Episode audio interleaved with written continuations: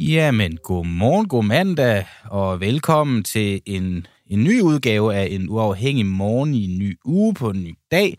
Jeg håber, I har haft en, en god weekend. Der er jo sket lidt øh, hister her, øh, og vi gik jo alle sammen til weekend på noget af, af, af et chok, øh, at øh, Lars Bøje han var blevet ekskluderet af sit eget parti, som han øh, endda selv var formand for, åbenbart for at have været pengegrisk. Det er i hvert fald det, der har har, har været, øh, været, været, været snak om, og 350.000 kroner, som han skulle have øh, nu og her, eller så trak han sig selv som formand. Det var for meget for øh, de borgerlige bestyrelse, og derfor så blev han smidt ud.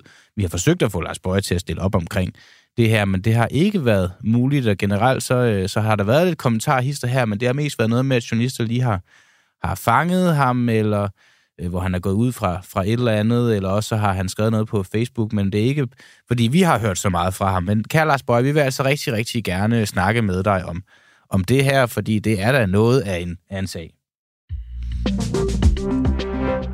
Nå, udgør Rasmus Paludan en sikkerhedsrisiko i København?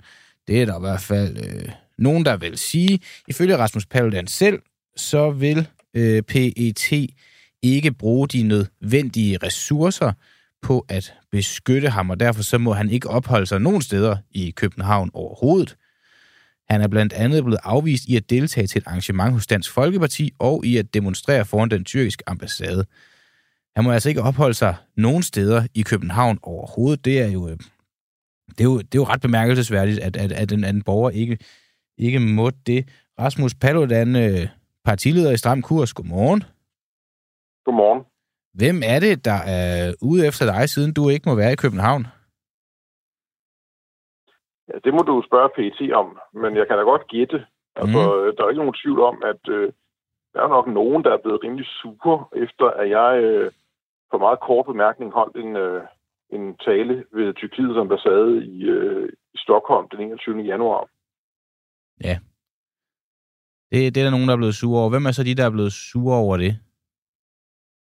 ja, igen, det må du spørge andre om. Men, Nå, men du siger selv, at der er nok nogen, der er, så, må, øh, så tænker jeg, så ved du også, hvem det måske kunne være. Altså, jeg har da fået en hel masse henvendelser fra øh, mm. eksotiske lande, som øh, Tyrkiet, Indonesien og Turkmenistan. Eller var det Uzbekistan? I hvert fald sådan nogle eksotiske lande. Ja, og de skriver nogle ting til dig om, at de vil...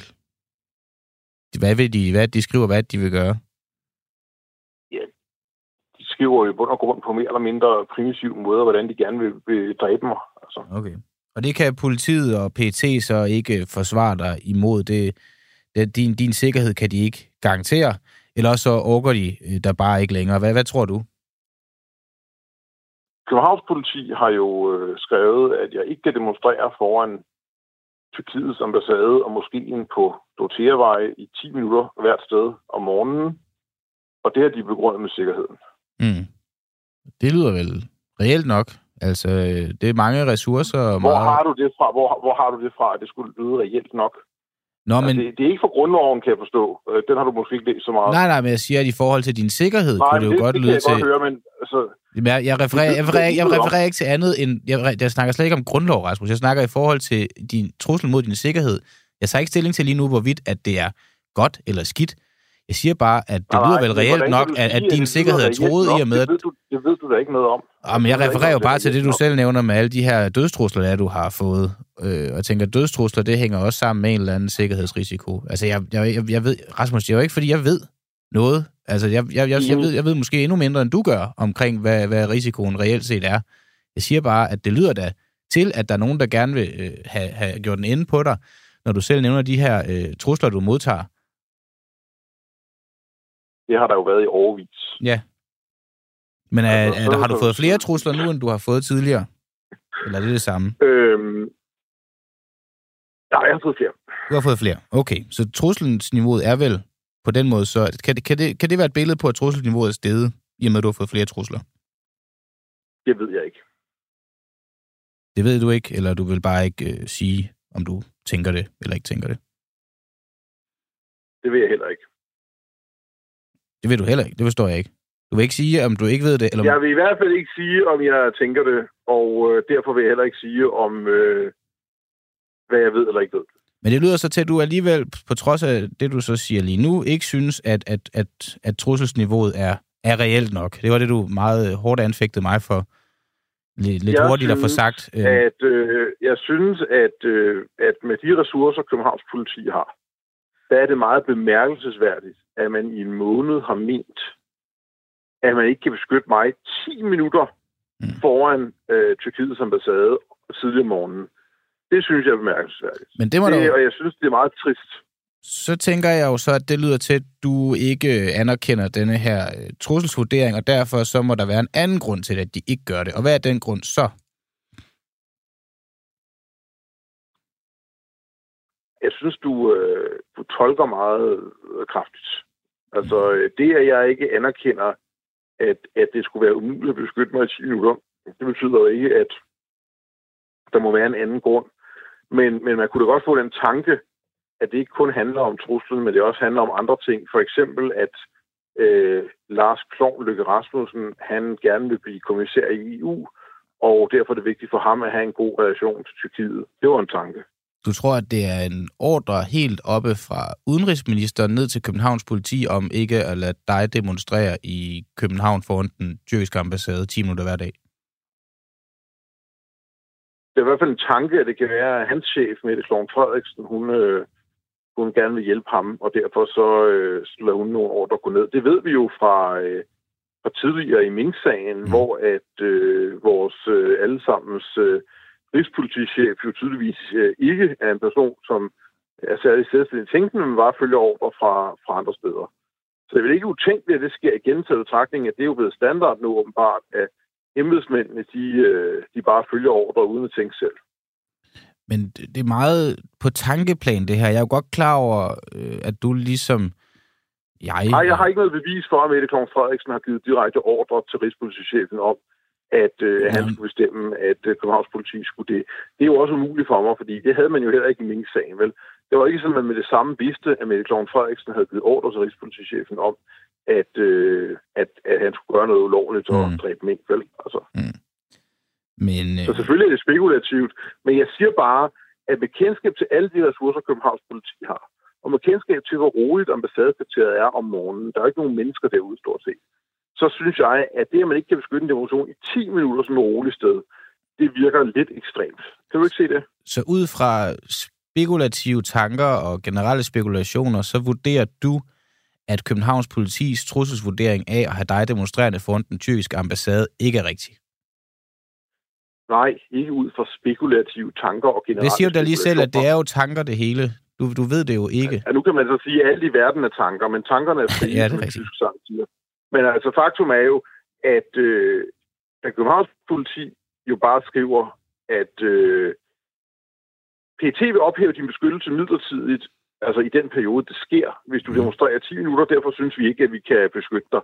Det er da, det er da ikke særlig betryggende, fordi det betyder jo så, at Københavns politi åbenbart er fuldstændig afhængig af, at, øh, at der er nogle livvagter på PT. Og det giver jo ikke nogen mening til betragtning, at jeg jo også tidligere, før PT kom ind i billedet, har demonstreret masser i, øh, i Københavns øh, politikreds. For eksempel den 14. april 2019, hvor at der var enorme optøjer på, på Nørrebro. Mm. Så det er ud fra det, hvilket jeg ikke synes er bare generelle spekulationer, det er også ud fra betragtelig erfaring konkret med Københavns politi, at man kan altså godt beskytte mig, uden at PT overhovedet er en del af billedet, den 14. april 2019, hvor der er enorme optøjer på, på Nørrebro, og der bliver sat i gaden, og hele, hele dagen i øvrigt. Mm. Men man kan ikke beskytte mig i 10 minutter ude i ambassadekvarteret i Hellerup. Det er vel ikke generelle spekulationer. Det er vel forholdsvis konkrete, erfaringsmæssige øh, synspunkter. Og så er sådan øh, tiden og, og trusselsniveauet underordnet. Fordi du nævner jo selv, at du har modtaget flere trusler nu, end, end du vanligvis gør. Men det spiller ikke nogen rolle i forhold til en trusselsvurdering. er ikke, under, er ikke underordnet. Men, men der er jo to ting her. For det første, så er det jo tidligere om morgenen meget kortvarigt et sted, som er meget roligere end Nørrebro er. Og for det andet, så, så er det jo sådan set sådan, at det er jo en falit erklæring til demokratiet, hvis man erklærer, at man ikke kan beskytte en, en, en person til demonstration en hel måned. Altså, det, det er jo en hel måned nu. Mm. Så, så det er jo et spørgsmål om, altså, hvis det er sådan, at Københavns politi ikke synes virkelig, vidderligt, reelt ikke synes, de kan beskytte mig i 10 minutter, så er der jo andre politikreds, som plejer at hjælpe. Det var jo også det, der skete den 14. april. Men kan du ikke selv se det, hvor latterligt det lyder, at man ikke kunne beskytte mig i 10 minutter øh, ude i ambassadekvarteret om morgenen? Øh, om jeg kan se, om det, om det lyder latterligt, det ved jeg ikke. Jeg kan i hvert fald tænke, det, jo, det, det lyder i hvert fald voldsomt. Øh, og så tænker jeg bare, at at, at der må ligge noget til grund, og om det så er reelt, det der ligger til grund eller ej, det, det, det skal jeg ikke kunne sige, for vi får det jo ikke at vide, du får det ikke at vide, og vi får det ikke at vide, og generelt er der jo ikke rigtig nogen, der får det her at vide. Til gengæld, så kunne jeg godt tænke mig at spørge dig... Det. Så kan du undersøge om det, det, det, det journalister gør. Ja, det prøver vi også, Rasmus. Øh, bare rolig. Øh, hvad hedder det? Til gengæld, så kunne jeg godt tænke mig at spørge dig om, om der er om der er andre steder i landet, hvor du godt må demonstrere. Nej. Du må slet ikke demonstrere i Danmark lader det ikke til. Altså. Hvad nu, hvis du anmelder en demonstration i jeg ved ikke, Vordingborg? Kunne du få lov til det, tror du? Det tror jeg ikke. Hvad baserer du det på, at du ikke må? Jamen, altså bare prøve øh, for sjov at se, om, du... Altså, man kan, man kan sige sådan her, at, at, øh, at jeg prøvede jo også i Aarhus 10 minutter, og det blev jo også nægtet. Du hvad for noget, siger du? Der var lige svag signal der. Jeg siger, jeg prøvede også, jeg prøvede også at anmelde demonstration i Aarhus, og mm. det mhm. blev også nægtet med den samme begrundelse. Så i Aarhus og København kan du ikke demonstrere. Er der andre steder i landet, du har blevet nægtet adgang til at demonstrere, siden du kan sige, at du faktisk ikke tror, at du overhovedet må demonstrere i Danmark? Eller er det en overdrivelse? Nej, det er ingen overdrivelse, men, men jeg kan da godt høre på dig nu, at du er meget MC for, at jeg skal anmelde alle mulige andre steder. Det vil jeg så straks gøre. Ja, okay. Og, jamen, det, er, jeg, synes, jeg synes, det kunne være en god idé at se, om, om det reelt set er sådan, at du bare overhovedet ikke kan få lov til at demonstrere i Danmark, eller, øh, eller hvordan det var ledes. Men jeg skal selvfølgelig ikke blande mig i, hvor du demonstrerer hen. Det, det tror jeg, vi skal holde i, ud, ud i strakt arm på en eller anden måde. Ej, du kan være ganske rolig. Jeg skal nok være med at give dig æren eller skylden, alt efter hvordan man ser det. Ja. Rasmus øh, Paludan, øh, partileder i Stram Kurs. Du må øh, have en god dag, og tak fordi du var med her til morgen. I lige måde. Gud velsigne dig. Ja, det er jo så anden gang, at det her program bliver velsignet af... Jamen, hvad er det, Rasmus Paludan, han kalder sig? Ærkebiskop. Har, er han, eller har været? Eller jeg ved faktisk ikke, om det er noget, han som sådan praktiserer. Vi har også fået fået velsignet vores tekniske udstyr af en øh, præst på et tidspunkt. Og, øh, og altså, jeg er hverken religiøs eller noget som helst, men jeg må så bare sige alligevel, at øh, det til trods, så, så virker det til, at det bare spiller. Så, øh, så tak for velsignelsen til, til Gud og hver mand. Nå. Nu skal vi tale lidt om, øh, om, om noget, jeg ikke har øh, som sådan øh, godt øh, styr på, i hvert fald på den private front, det er økonomi og penge. Fordi er USA på vej til en ny finanskrise? Startup-miljøet i Silicon Valley er ramt af en kæmpe krise, da deres foretrukne bank Silicon Valley simpelthen er, eller Silicon Valley Bank, simpelthen er kollapset. totalt. Bum. Øhm, og til gengæld, der var lige det her til morgen, så er bare en hurtig nyhed, hvis vi lige skal have det med, at øh, selvom at den er krakket, den her bank, så kan kunder godt få adgang til deres øh, bankkonto. Det kan de fra mandag lokal tid få adgang til deres konti. Det oplyser amerikanske myndigheder søndag. Den amerikanske regering har annonceret, at den vil iværksætte tiltag, der skal understøtte bankens konti og sørge for, at bankens pludselige sambrud ikke får større økonomiske konsekvenser. Den store og kriseramte Silicon Valley Bank blev, ja, som jeg lige siger, fredags beordret lukket af finansmyndighederne i den amerikanske delstat Kalifornien. Og det kaldes for det mest markante bankkrak siden finanskrisen i 2008. Og det er derfor, at vi synes, at spørgsmålet om, hvorvidt at USA er på vej til en ny finanskrise, er et, er, er, er et reelt nok spørgsmål at stille. Vivino, ja, så tænker du bare for noget nu. Vivino, den her øh, store øh, vin-app, faktisk verdens største vin-app, var i 2014 en kæmpe succes i Silicon Valley. Og investorerne i Silicon Valley, de kimede øh, stifteren af den her app ned øh, for at få lov til at skyde øh, penge i, i, i Vivino. Heini Zachariasen, du var stifter af Vivino, og så er du også vært på på Raw Startup, og så er du tidligere kunde i Silicon Valley Bank. Øhm, du blev kimet ned i 2014 af, af, af de her folk fra, fra Silicon Valley. Øhm, der er ikke nogen, der har ringet til dig de sidste par dage, vel? ja, det er et godt spørgsmål. Godmorgen. Godmorgen. Øhm, der, der er faktisk mange, der har ringet, men af forskellige årsager, kan man sige. Altså, der har været kaos i Silicon Valley de sidste dage. Mm. Jeg vil sige, det hele startede i torsdags, hvor, hvor telefonen virkelig begyndte at give, men der var simpelthen et run on the bank på, på Silicon Valley Bank. Det er en bank, som vi har stolet på i, i mange, mange år. Har du øh, mistet øh, penge på grund af det her krak? Nej, det er ikke sådan noget. Øh, altså, vi havde øh, måske lidt for mange penge stående i Silicon Valley Bank. Det er vores primære bank mm. øh, i USA, øh, som er vores største marked. Øh, men vi nåede i løbet af torsdagen at, at overføre, øh, overføre nok til i hvert fald, vi kunne klare os, og, og, og så vi ikke var så udsat, som vi, vi var på det tidspunkt. Men, men der er også nyheder, vi kan tage det senere, men, men der er også nyheder om, der er sket noget i løbet af natten her, som, som gør, at der er nok ikke nogen, der tager penge, at den der ikke penge i Silicon Valley Bank. Nej, det var det, det her med, at man kan få... Øh, jamen, lad os bare lige tage den senere, ja, for jeg nåede lige ganske kort at nævne det. For jeg vil godt starte lige fra starten af. Hvad, hvad, hvad er der sket siden, at det er kommet hertil for, for Silicon Valley Bank? Ja, man kan sige, at det sker i, i sådan nogle forskellige stages nærmest. Altså, de, de laver altså en kæmpe fejl øh, efter corona. De, der, den her bank, den vokser uhemmet over corona. De får simpelthen så mange penge ind, at de går fra 60 milliarder dollars i, i indsatte øh, i penge på i banken til 200 milliarder dollars øh, indsatte. Og, og det er mange penge, som de faktisk ikke formår at låne ud. Øh, så de går ud og køber den statsobligationer og realkreditobligationer, som er relativt lange i det. Og det er selvfølgelig sikre ting, fordi de er statsgaranteret. Problemet er, at de har lav rente. Og det vil sige, at, at, at de er fint nok, hvis du bare kører dem til udløb. Men hvis du skal bruge pengene nu, hvor renten er steget, jamen øh, så er det ikke så godt, fordi så er det meget mindre værd. Og, og det princippet, det der sker, det er, at mm. i løbet af 2022, så bliver den indsatte penge, den går ned, og samtidig går renten op, og nu skal de til, øh, til at, at ligesom sige, hey, vi skal sælge nogle af de her obligationer, og så er de meget mindre værd. Og det tager de altså et, et, et stort hit på, og så går der simpelthen panik i kunderne. Det er, hvad der sker. Et bankrun.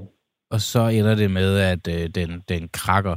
Hvilken konsekvens har det her for, ja, lad os bare lige starte med den amerikanske økonomi, at Silicon Valley Bank øh, krakker? Ja, ja øh, lad, lad, hvis, hvis jeg må så lige, altså det, det her med et run on the bank, hvis jeg lige må mm. nævne det først, altså ja. Silicon Valley Bank er en speciel bank, fordi det er, det er banken for startups og Silicon Valley og venture capital, ikke også? Altså man regner med omkring halvdelen af alle startups, der er venture funded, de banker i Silicon Valley, så, så det, det er rimelig meget. Altså når man tænker om det her run på banken, så skyldes det også det, at det er en gruppe, der taler meget sammen og meget integreret, og der så kom panik i den gruppe, så gik det rigtig, rigtig stærkt. Øhm, når det kommer til den amerikanske økonomi, og, og, og der er ikke ekspert som sådan, øh, men, men den her bank var unik på mange måder, øh, og at sammenligne det med Lehman eller et eller andet, det synes jeg simpelthen bare er forkert. Altså, øh, den her bank lukkede primært på grund af egne dispositioner. Hmm. Ikke fordi det var integreret med noget andet. Og, og, og den, de andre banker er ikke så knyttet til den her. Øh, og så er der en anden bank, der har røget over weekenden også, den hedder Signature Bank. Men det er jo primært en kryptobank, og igen, nærmest sådan unrelated til, til, til resten af bankverdenen. Okay. Okay. Det, det tror jeg egentlig også, at, at jeg forstår det bedre nu. Øhm, hjemme i Danmark, vi, nu, nu sidder vi her og snakker om det. Gør vi det, fordi at det får nogle øh, konsekvenser? Kan det mærkes på, på, på en dansk økonomi på, på, på, på, her i Danmark? Eller, eller er det bare fordi, det er spektakulært, at vi snakker om det lige nu? Jamen, det er selvfølgelig spektakulært, men, men faktum er også, at rigtig mange danske, altså amerikanske startups bruger det stort som bank. Det betyder også, at europæiske, også danske startups bruger det her som bank. Så mm. selvfølgelig betyder det noget for, for alle dem, der gør det. Øh, for lige sådan at, at tage det, der er sket i løbet af natten. Det, der så er sket i løbet af natten her. Man har selvfølgelig prøvet at finde en køber til, til den her bank over weekenden. Det, det er altid noget, myndighederne prøver at gøre, når sådan noget sker. Øh, det ser ikke ud til, at det lykkes endnu. Så i stedet for er Federal Reserve, altså Nationalbanken, gået ud og sagt, vi garanterer alle indsattes penge. Så det vil sige, hvad end du har stående der og ikke noget at få ud i tide, det er altså fuldt garanteret af staten. Øh, så, så det har ikke nogen konsekvenser. Det, der kan have konsekvenser og kan være farligt for nogen, igen startups primært, det er jo, at de lånt os penge ud. Altså hvad nu, hvis nu du har sagt til dig selv, at vi har fået den her investering, og så har vi dobblet op med nogle, øh, med nogle lånte penge, mm. og de penge ikke er tilgængelige mere til drift. Det, det kommer til at ramme nogle startups, det er der ingen tvivl om. Og det kommer også til at ramme nogle danske startups? Det tror jeg, det gør. Altså, mm. afledte effekter og sådan noget. Det, det, jeg vil så sige, det er ikke så almindeligt i, i Danmark. Det er meget almindeligt i Silicon Valley, at når du, når du rejser nogle penge, så låner du nogle penge oveni. Øh, problemet er så, at når sådan en bank som det her ryger, det kan godt være, at du har 5 millioner dollars stående på kontoen, men hvis du også har et lån på 5 millioner dollars, så har du lige præcis nul. Ja. Øhm, og og det, det kan blive et problem for dig igen. Ikke så hyppigt i, i det danske startup community.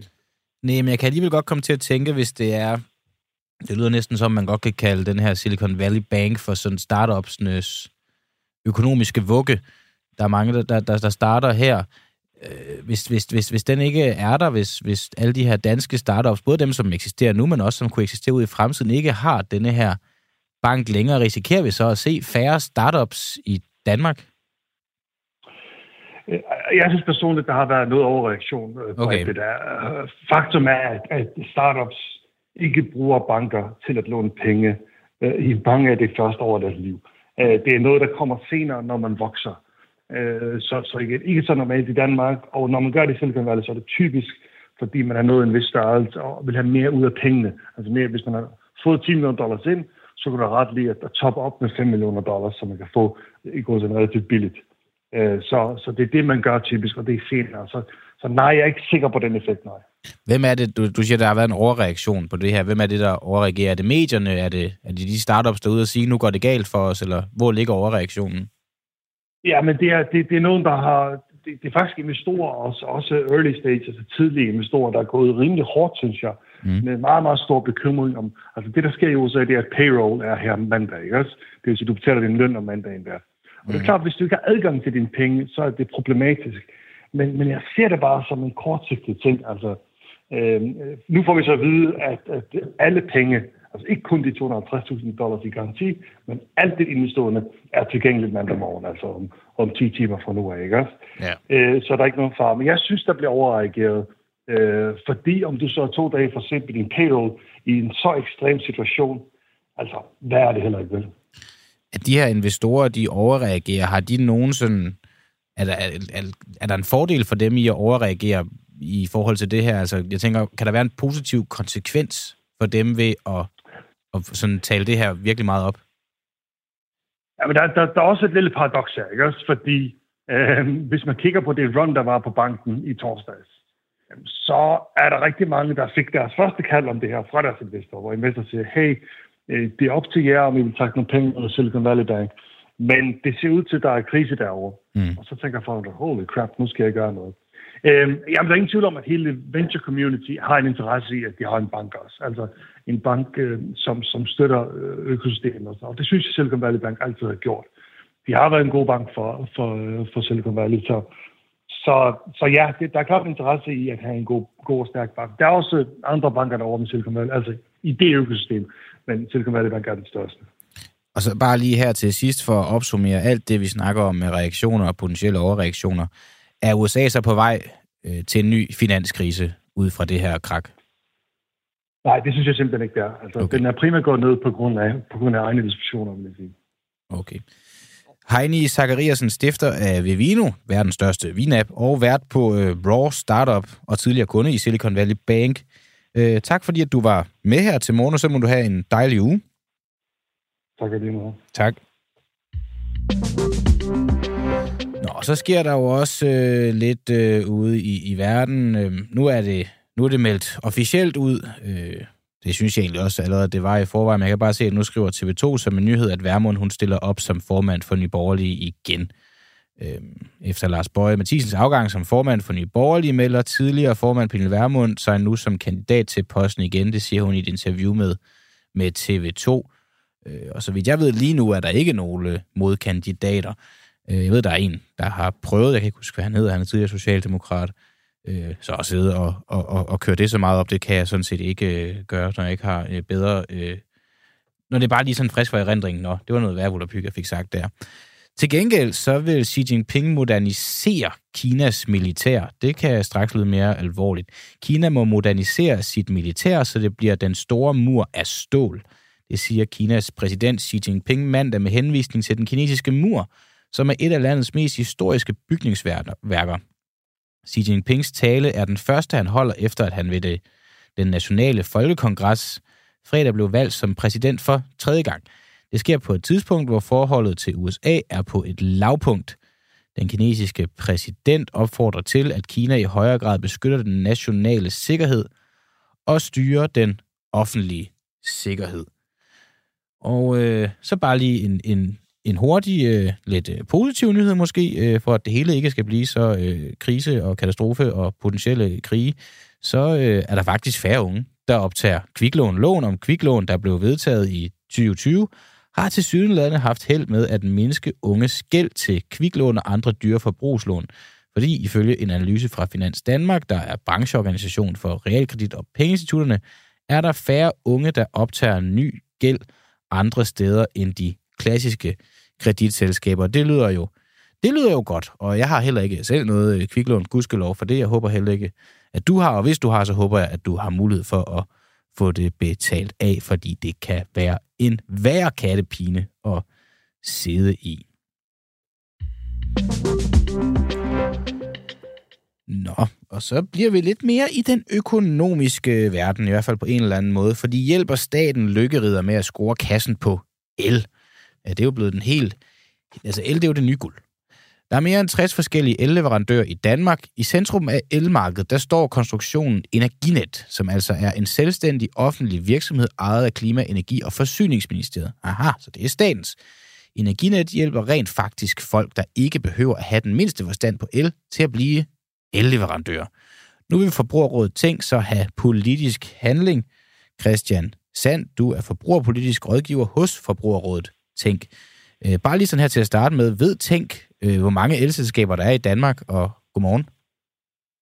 Godmorgen. Øh, jeg tror, du, øh, du, har, du har ret i, at vi er oppe på rigtig mange. Om du, jeg tror, du sagde 60, men øh, de tal, jeg hører, det er et, et stykke over 40, øh, men det er nok noget i den øh, størrelsesorden. Jamen, det er fordi hverken øh, Energistyrelsen eller Energinet, der, der styrer det danske elnet, har kunne give os sådan et mere præcist tal over, hvor mange elselskaber der er i Danmark, men, oh. men ifølge hjemmesiden elpris.dk, så er der mere end 60, så det er det tal, vi arbejder ud fra. Yes, okay. Men uh, Elpris.dk er også uh, drevet af Forsyningstilsynet, som er sådan en uafhængig myndighed, der fører tilsyn på energiområdet, så tænker jeg, at man, uh, man bør kunne stole på i hvert fald. Okay, okay. Det er jo godt nok. Hvad er de negative konsekvenser for forbrugeren, at der er mange elselskaber, når nu konkurrence kan være med til at presse prisen ned? Uh, I forbrugerrådet tænker så er vi jo som udgangspunkt rigtig store tilhængere af, at der er flere selskaber at vælge mellem, og det er lettere at oprette et selskab, for det skaber jo i teorien konkurrence og dermed lavere priser. Men elektricitet er jo et helt basalt forsyningsprodukt, som vi alle sammen som forbrugere skal have adgang til. Og vi har jo bare set øh, mange eksempler på uhensigtsmæssig og systematisk adfærd blandt nogle selskaber, som er meget aggressive i deres markedsføring, får en hurtig kundebase, og så sælger øh, selskabet videre, øh, hvor det ligesom er kunderne, der bliver en varme, man sælger videre. Så i forbrugerrådet tænk, der mener vi jo grundlæggende, at det er for let at oprette og drive et elselskab, og øh, at der også mangler kontrol med den her branche, og også nogle sanktionsmuligheder, så forsyningstilsynet, som jeg nævnte før, som er den her uafhængige tilsynsmyndighed, også kan slå ned, når der er nogen, der, øh, der, der træder ved siden af. Og øh, at det kan godt være, at faktummet så vil være, det er i hvert fald det, jeg lidt hørt at sige, det er, at, at elforbrugere bliver kunder til potentielle salg af virksom, elvirksomhederne. Øhm, alligevel, så for at man kan sælge sådan en elvirksomhed, for at det kan være en succes, for at du kan tjene nogle penge på det, så skal du have nogle forbrugere. Og for at få nogle forbrugere, så skal du have nogle favorable priser, i hvert fald nogle priser, der er bedre end de andre virksomheders. Øh, så det til trods, så vil det vel stadigvæk øh, en, en, en øget konkurrence potentielt kunne medføre en, en lavere øh, pris på, på elen. Anerkender du det? Ja, det er rigtigt, at, øh, at altså, vi er jo som udgangspunkt, som jeg sagde før, tilhængere af konkurrence, fordi det skaber øh, lavere priser, når det er lidt at oprette selskaber. Øh, det ser vi jo nogle brancher, hvor det er svært at komme ind på markedet. På elmarkedet, der er det let at komme ind. Øh, så vi anerkender helt sikkert, at det er godt med, med, med, med konkurrence. Problemet er på elområdet, øh, og nu bliver det måske lidt teknisk, at der ikke er så mange parametre, man rent kan konkurrere på som elselskab. Øh, det er reelt kun en abonnementspris, et spottillæg, som kommer oven i den her elpris, som vi nogle gange følger med i på elbørsen, øh, altså kilowatt-timeprisen, og så eventuelt gebyr. Det vil sige, at det er faktisk kun tre centrale ting, vi kan konkurrere på de her selskaber.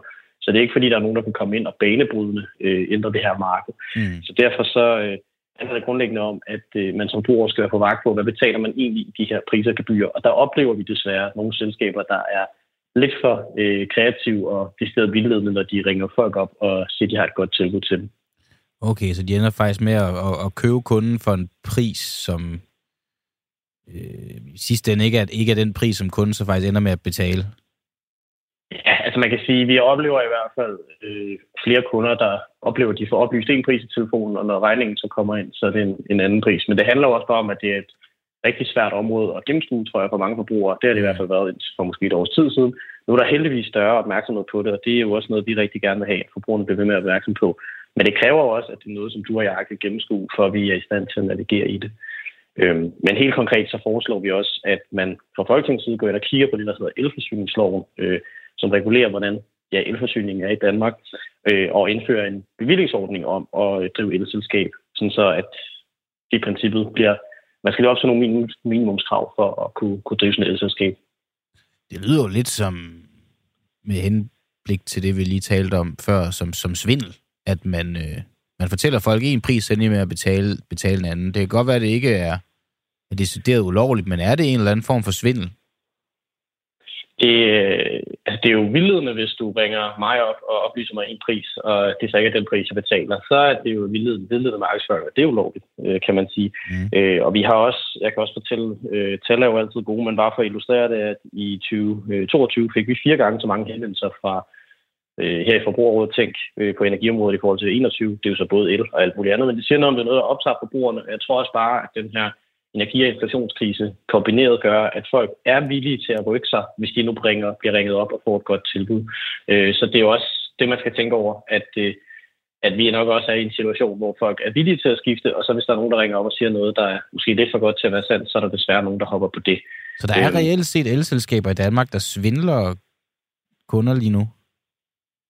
Det, det vil jeg mene. Altså, der er, Hvad, der kan er du, kan, har, du, altså, har du nogle eksempler, andet end at, at I har fået flere henvendelser? Der, er der nogle domme, der er faldet? Nogle selskaber, man ikke skal henvende sig til? Eller, eller hvad kan du Altså, jeg vil sige, øh, der, der tror jeg, du skal have, have fat i forbrugerombudsmanden. Der er heldigvis mm. øh, flere selskaber, som forbrugerombudsmanden kigger nærmere på, men jeg ved også, at de tal, som forbrugerombudsmanden har, for hvor mange forbrugere, der anmelder øh, selskaber, er steget betragteligt fra, øh, jeg tror, i, i omegnen øh, fra, fra 2012 til 2022, der tror jeg, det er gået fra omkring 25-30 øh, anmeldelser på elområdet til 700, så vidt jeg lige husker.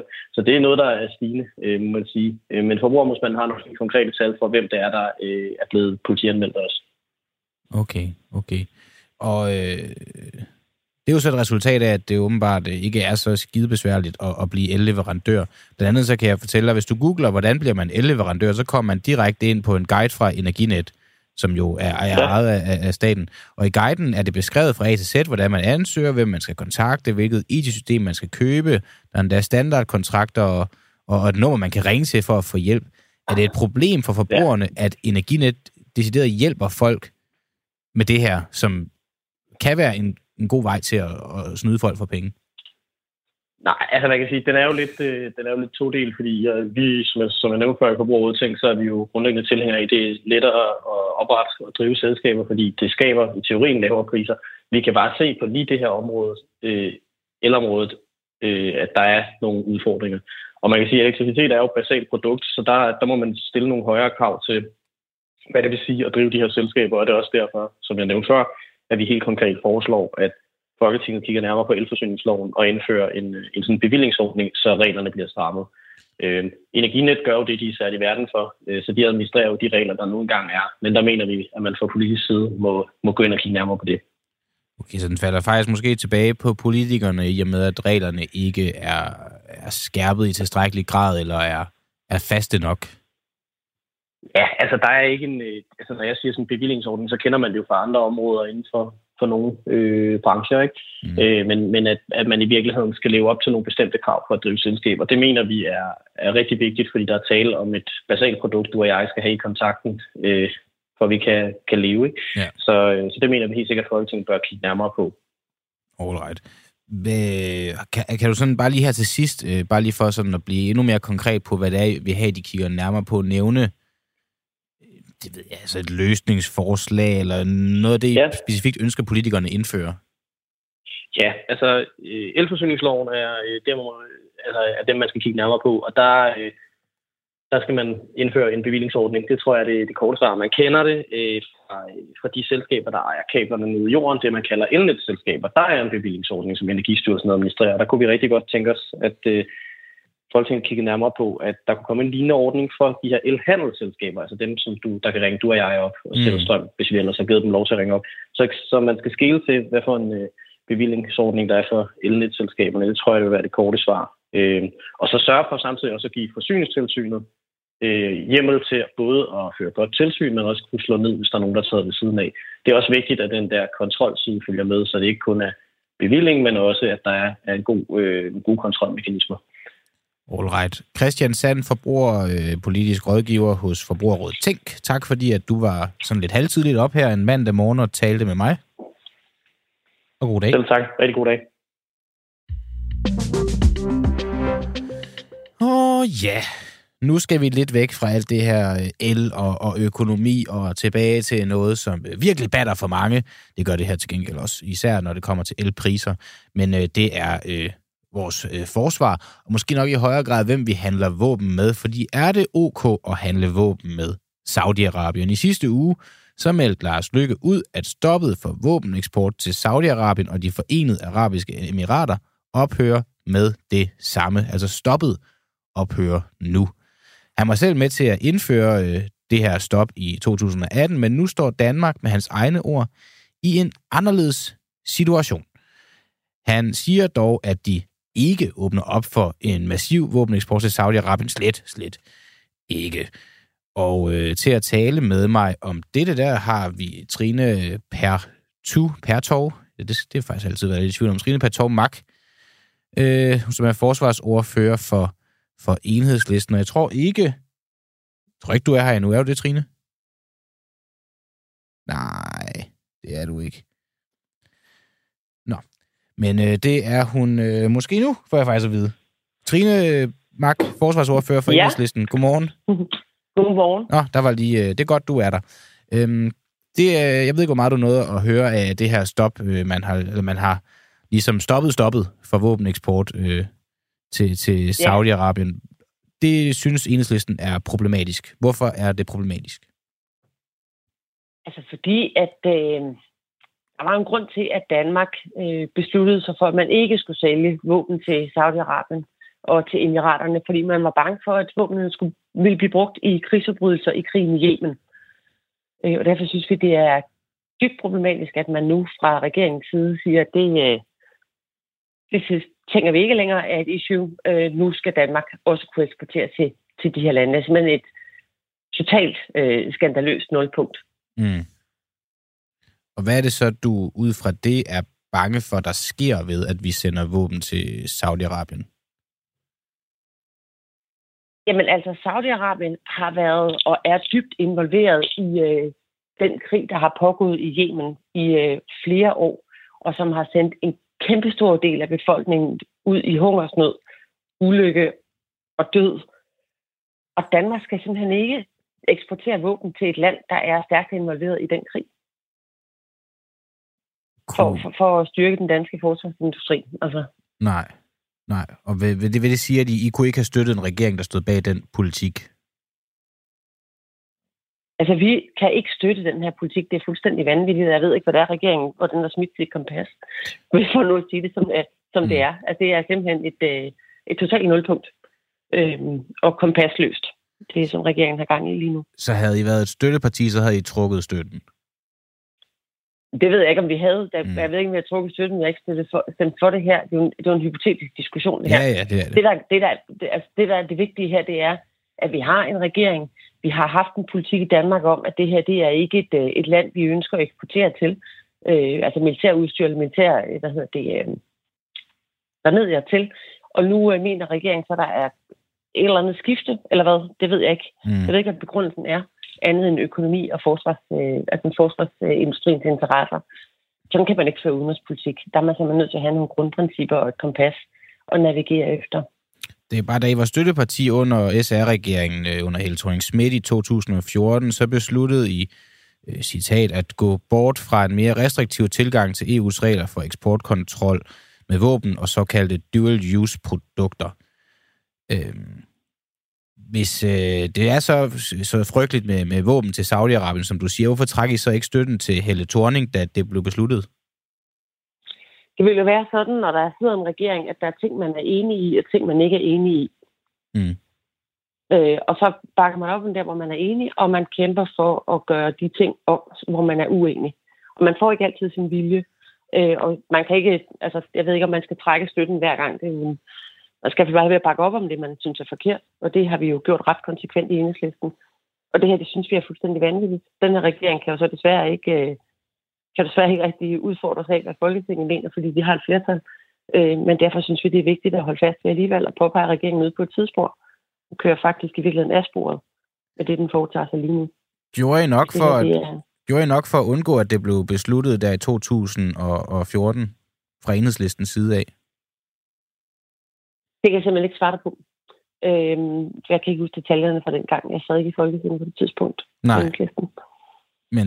Så det er svært for mig lige at svare på. Det kan jeg ikke forestille mig andet, vi har gjort, hvad vi kunne. Nej, men jeg tænker også... Øh, det er en ret det, principiel sag, det her.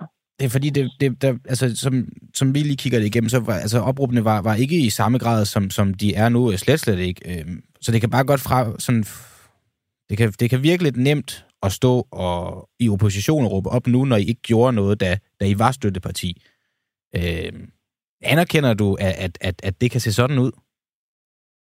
Øh, nu har jeg lige sagt, at jeg ikke kan huske, hvad der foregik i 2014, og heller ikke, øh, så det, det er svært for mig at fortælle mig, om jeg tror det samme som dig her. Det, jeg konstaterer, er bare, at den her politik om at ville skifte kurs og begynde at eksportere, fordi der er nogle økonomiske interesser i den danske forsvarsindustri, så man kan begynde at sælge våben til Saudi-Arabien og Emiraterne. Det er simpelthen den helt forkerte vej at gå mm. i, en, øh, i den tid, vi lever i. Og der er ikke sket noget skifte i forhold til Saudi-Arabiens øh, prekære opførsel rundt omkring i verden, øh, som gør, at man kan begynde at forsvare det. Og, og jeg synes virkelig, at spørgsmålet skal rette til regeringen, hvad i alverden det er, de har gang i. Ja, og, og det, det har vi også øh, prøvet, dog, øh, dog uden, øh, uden den store held. Vi kunne pege på Mette Frederiksen ja. øh, til næste valg, hvis hun vælger at føre den her politik videre. Jeg synes egentlig ikke det der, hvem er det, man peger på, hvem peger man ikke på. Det, er jo ikke det, altså det her det handler jo om politisk substans. Det handler om et land, der er dybt involveret i en forfærdelig borgerkrig. Noget, mm. som er en, altså, har udløst den værste humanitære katastrofe i overvis, nemlig krigen i Yemen. Det er det, man skal forholde sig til. Skal Danmark virkelig begynde at sælge våben til, til Saudi-Arabien igen? Ja. Det forstår jeg godt. Jeg tænker bare alligevel, øhm, og det er tit sådan en diskussion her, der opstår mellem politikere og journalister, fordi journalister spørger, vil I kunne pege på en statsminister, der mener sådan og sådan og sådan, og så bliver det tit for politikerne sagt, det handler ikke om, hvad man peger på. Men alligevel så, det at man vælger at sige, jeg vil ikke pege på en potentiel statsminister, der, der, der har den her politik, det er jo en, en meget kraftig måde at tage afstand fra det på, og er med til at gøre vælgerne i højere grad opmærksom på, hvad enhedslisten rent faktisk mener om det her, og hvor villige de er til at, at tage afstand fra det. Så jeg, jeg prøver bare lige igen, vil du kunne pege på Mette Frederiksen, hvis hun vælger at fortsætte den her politik ved næste valg? Jeg tror faktisk, at vælgerne udmærket godt kan høre, at enhedslisten synes, at den her politik er fuldstændig, øh, fuldstændig forkert. Og det, jeg tror også, at vælgerne forholder sig til politikken mm. i det. Og det håber jeg i hvert fald. Du tror ikke, der sidder nogle vælgere, der gerne vil have, at I tager øh, så meget afstand, som man overhovedet kan tage? Det er jo det, jeg gør. Nej, men det vil du... jo, det er jo vil, vil det ikke være at tage mere afstand og sige, at vi kan ikke pege på sådan en statsminister? Hvorfor er det svært at sige, at I ikke vil kunne pege på en statsminister, der står ved den her politik, hvis I er så meget imod politikken? Jamen, vi er imod store dele af den politik, som den siddende regering har ført, siden den er kommet til. Mm. Det her, det er en, øh, altså, et fuldstændig fejlskud og et forkert skifte i dansk udenrigspolitik og vores eksportkontrol. Ja. Øhm, og det er, det er noget af det, nu har jeg jo heddet Lars Lykke i samråd om samme, for det kan simpelthen ikke være rigtigt, at man skal gå den her vej. Men er det så stort et fejlskud, at man vil sige, at vi ikke vil kunne bakke op om en statsminister til næste valg, der holder fast ved den her politik? Ja, vi bakker ikke om den her regering. Vi mener rent faktisk, at den her regering den skal, øh, den skal skifte kurs eller udskrive folketingsvalg. Det er jo ligesom det, vi har sagt hele vejen igennem. Vi synes ikke, det er en, altså, hvis det er en fuldstændig vanvittig politik, den fører også på det her område. Det er med på. Øh, den har lige... Men det er bare, ja. når man så sidder ved forhandlingsbordet øh, efter næste valg, er det her et punkt, I vil tage med til bordet, og vil I i så fald sige, at vi kommer ikke til at indgå i regeringen, hvor at det her det bliver fastholdt? Det kan jeg ikke tage stilling til. Men hvad vil du synes? Jamen, det, jeg, jeg synes, det er interessant, er, hvad der foregår på Christiansborg lige nu. Mm. Og det her skifte Men det i enhedslisten vel også en del af. i hampen. Oppositionen, jeg anerkender virkelig, at oppositionen spiller en stor rolle i, i dansk politik. Det er tit, så bliver man da bare fokuseret på regeringen, men det er oppositionen, mm. der har muligheden for at, at råbe op og sige fra. Det er så det, I gør. Jeg tænker bare, ja. at den, den stærkeste måde at råbe op og sige fra på, det er at sige, at vi kommer ikke til at bakke op om en statsminister nogensinde, der, øh, der mener det her, der, der, der udfører et, et stop for stoppet af eksport til Saudi-Arabien. Men, men, men så, så yderligt vil du alligevel ikke gå på partiets vegne. Jeg synes, jeg synes, den stærkeste måde at være opposition på, det er at forsøge at skabe øh, så meget ballade om den her, det her politiske kursskifte, som man overhovedet kan, både på Christiansborg, mm. men også i den offentlige debat. Og der tror jeg virkelig, at det er rigtig klogt at holde sig til substansen. Nemlig, at Danmark nu øh, med den siddende regering tænker, at det er helt fint at sælge våben til et land som Saudi-Arabien, som er øh, formentlig er involveret i, øh, i krigsforbrydelser i Yemen. Mm. Øh, det synes vi ikke, og det synes vi, at vi skal, man skal diskutere, og man skal udfordre regeringen på. Alright. Trine Pertumak, forsvarsordfører for Enhedslisten. Tak fordi du var med her til morgen, og så må du have en god dag. Ja, tak, og i lige måde. Og det skal jo siges, at vi har forsøgt at få øh, forskellige dele af, af, af regeringen på. Nu er det jo så heldigt, at regeringen består af tre partier, så derfor så er der også tre forskellige, ja for eksempel forsvarsordfører og, udenrigsordfører, man kan, man kan få i tale, når nu ministerne, som de vanligvis ikke gider at stille op. Øh, men det har heller ikke engang været muligt at få nogle af dem til at stille op omkring det her. Øh, fordi at øh, det er da interessant. Hvad er det for en øh, anderledes situation, Lars Løkke han ser, øh, siden at man øh, nu vælger at sige, at man godt kan sende våben afsted til, til Saudi-Arabien. Hvad er det, vi, hvad er det, vi vil altså sende våben afsted med at sælge våben til, til Saudi-Arabien? Hvad er, det, hvad er det, vi tænker, der er godt ved, at de kan købe våben af os? Hvis det bare handler om, at vi kan tjene nogle penge, jamen, så kunne man jo bare sige det. Nå. Samarbejder bander i Danmark om kokainsal. Der er netop faldet dom i en spektakulær narkosag ved retten i i Næstved. Det ved jeg ikke, om I har hørt om, men det er der altså. Her blev fire ud af fem tiltalte mænd sent torsdag eftermiddag idømt lange fængselsstraffe for deres respektive roller i en kokainring. Og hvad en, en kokainring er, og hvad det er for nogle domme, de, de, er blevet, øh, de har fået på sig, det skal jeg nu tale med Carsten Norton om. Han er journalist her på Frihedsbrevet. Det er sådan, sådan en, en halvnyhed øh, at han er det, og han har beskrevet sagen i, i nyhedsbrevet øh, Fri Bandit, som man jo faktisk kan læse, hvis man er medlem af Frihedsbrevet. Jeg har, jeg har nu af nogle omgange prøvet at fortælle folk, at det jo er okay, at man ikke betaler. Det er jo ikke, fordi man skal have det dårligt over det, men hvis man gerne vil læse sådan noget som, som Fri Bandit, øh, og dermed kunne, kunne, kunne få en, en indsigt i, i Carsten Nortons arbejde, og, og det han beskriver i højere grad, end man bare lige får her i det her gratis øh, vindue, som jeg kalder den, øh, en uafhængig morgen, så kan man altså betale 79 kroner om, om måneden. Nå, det, det skal ikke blive en, en, en reklamesang, det her. Carsten Norton, øh, godmorgen. Godmorgen. Hvem er det, der er blevet dømt i den her øh, narkosag ved retten i Næstved? Jamen, det er fire forskellige personer, der er blevet dømt. Den ene er den, det der er kaldt en, øh, en bagmand, og så er der en øh, såkaldt organisator, altså den, der har stået sådan for at indgå aftaler og de sådan lavpraktiske ting. Og så er det to kurerer, øh, og kurererne er jo så dem, der har stået for at, at, at hente og bringe øh, kokain til Næstved, hvor øh, det her stof det så er blevet solgt. Mm. Og den her bagmand, ved vi noget om, om vedkommende? Ja, altså det, der jo sådan umiddelbart var opsigtsvækkende i sagen, det var, at øh, bagmandens øh, storebror også var tiltalt i sagen, Øh, han er fuldgyldigt medlem af Rockerklubben Hells Angels, mm. øh, og politiet havde en øh, formodning om, at hans rolle i det her øh, netværk, det ligesom var at, øh, hvad skal man sige, sørge for, at tilladelsen var på plads til, at man måtte handle næste og at der blev givet en anden form for øh, beskyttelse til de andre involverede. Men altså, det der så endte med at ske i den her sag, som øh, straks over øh, flere måneder i retten, det er, at, øh, at storebroren her, HA-rockeren, han bliver pur frikendt. Øh, så det er øh, de resterende, der ender med at få nogle temmelig lange fængselsstraffe. Det er den her 37-årige mand fra, fra Næstved, der bliver, der bliver totalt frikendt. Ja, og, nemlig. Og så ender de andre med at få lange fængselsstraffe. Noget, jeg, godt, altså, noget, jeg ja. altid undrer mig over i sådan nogle sager her, det er, hvor pokker får de, ja. hvorfor på pokker får de alt det kokain fra? Ved vi noget om, hvor de ja. har fået kokain fra? Øh, nej, ikke sådan på den måde, sådan lavpraktisk, hvor de har fået den fra. Men altså, øh, de har hentet den øh, i, øh, i København, mm. er det fremgået.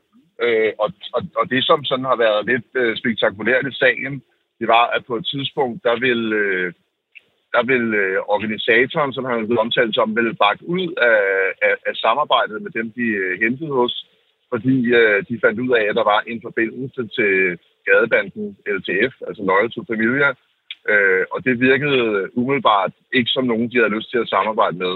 Og det hænger jo sammen med den logik, der er i underverdenen, at man gerne vil have det, som man kalder rene forsyningslinjer, altså at man kun handler i et kredsløb, hvor det er ens egne, øh, man, øh, man udveksler øh, penge eller, eller ulovlige varer med. Øh, og det er jo sådan lidt ud fra en logik om, at øh, hvis man handler med, med, med fjenden, så øh, er man jo med til at fylde deres lommer. Mm. Men øh, i denne her sag, der viste sig så, at i sidste ende, der betød det mere, at man øh, blev ved med at få sit stof, øh, som man kunne handle med, end, øh, end det betød øh, noget, hvem det var, man fik det fra. Okay, så det handlede mere om at, om at kunne få stoffet, så man dermed kunne, kunne tjene nogle penge, øh, end, end man, man faktisk ja, endte med at putte penge i, øh, i lommerne på, på fjenderne. Ja, altså leveringssikkerheden og forretningen, den øh, kom før loyaliteten til dem, man, øh, ja. man egentlig, så hvad skal man sige, bekender sig til at høre sammen med, ikke? Jeg kommer lige til at tænke på det, fordi jeg har lige snakket med uh, Trine Patumak fra Enhedslisten, forsvarsordfører, om det her den her ophør er, ja. er stoppet med, med, med våbensalg til, til Saudi-Arabien. Jeg ved ikke, hvorfor jeg lige pludselig kommer til at tænke på det, men der er et eller andet, der, der vækker en genklang. øhm, hvad ja. hedder det? Øhm, det er jo også en podcast, det her. Altså nu bliver det måske lidt reklame alligevel, Carsten øh, Norton, men, men jeg tænker bare, der er jo nogen, der hører det her nu, som tænker, det lyder sgu meget interessant. Hvornår kommer øh, første afsnit af podcasten øh, Fri Bandit, og hvad handler øh, Fri Bandit om? Jamen, øh, det er rigtigt. Der kommer en podcast, som vi forventer at have premiere på her i, i løbet af marts. Mm. Øh, og det er ikke sådan, at den en ting kommer til at handle om det samme som nyhedsbrevet Fri Bandit, men det er klart, at der er jo nogle af de samme temaer, der vil gå igen. Altså, det er jo sådan lidt det, vi sådan kalder et, et, et, øh, et ugenligt dyk ned i underverdenen med øh, alt, hvad der, øh, hvad der foregår der. Øh, og så forventer vi også at have øh, løbende have interessante gæster med i studiet i podcasten. Oh. Altså, som kan være med til at, at belyse nogle af de ting, vi taler om. Alright. Jamen, øh, jeg glæder mig til at, at, følge med Carsten øh, Norton, øh, journalist her på, på Frihedsbred. Tak, fordi du lige hurtigt kunne være med i, hvad der lyder som en, øh, en, en, en køretur fra, fra punkt A til punkt B. Og så må du have en god dag. Det er det også. Tak, tak lige måde. Ja, og dermed så er vi faktisk ved at være nået til det, vi i programmet kalder for vejs ende. Der er små øh, 8 minutter endnu, og det er sådan set ikke fordi, at der er, øh, der er så meget mere at, at tale om. Jeg kan bare lige fortælle, at øh, det vi talte om før i forhold til, til Pernille Vermund og Lars Bøger, Nye Borgerlige, det er meldt ud nu, at, at hun, hun stiller op til Folketinget. For det er jo øh, rigtigt nok, man kan jo godt være, være formand for et parti, uden også at være øh, folketingsmedlem. Hun stiller altså op til Folketinget igen, selvom hun ellers i første omgang havde sagt, at det vil hun ikke, at øh, det, det, det har ligesom været hendes erklæret øh, mål fra starten af, at hun skulle ikke sidde på det parti længere end, end, end, end, end højst nødvendigt, og sikkert både for hendes eget vedkommende, og måske også for partiets skyld, men, øh, men nu viser det sig så, at det parti åbenbart ikke rigtig holder med, med andre end hende ved roret, i hvert fald ikke af, af dem, der indtil nu har fået lov til at, at prøve. Og øh, med det sagt, så var det alt, hvad vi havde til jer i dag. Ude ved teknikken, der sad Oliver Nubbenau og styrede knapperne og ringede kilder op, og han har gjort det med fast hånd. Og øh, en anden fast hånd, der har sammensat programmet, det er en mand, der hedder Peter Svarts. Jeg hedder Christian Henriksen, og I må have en god mandag.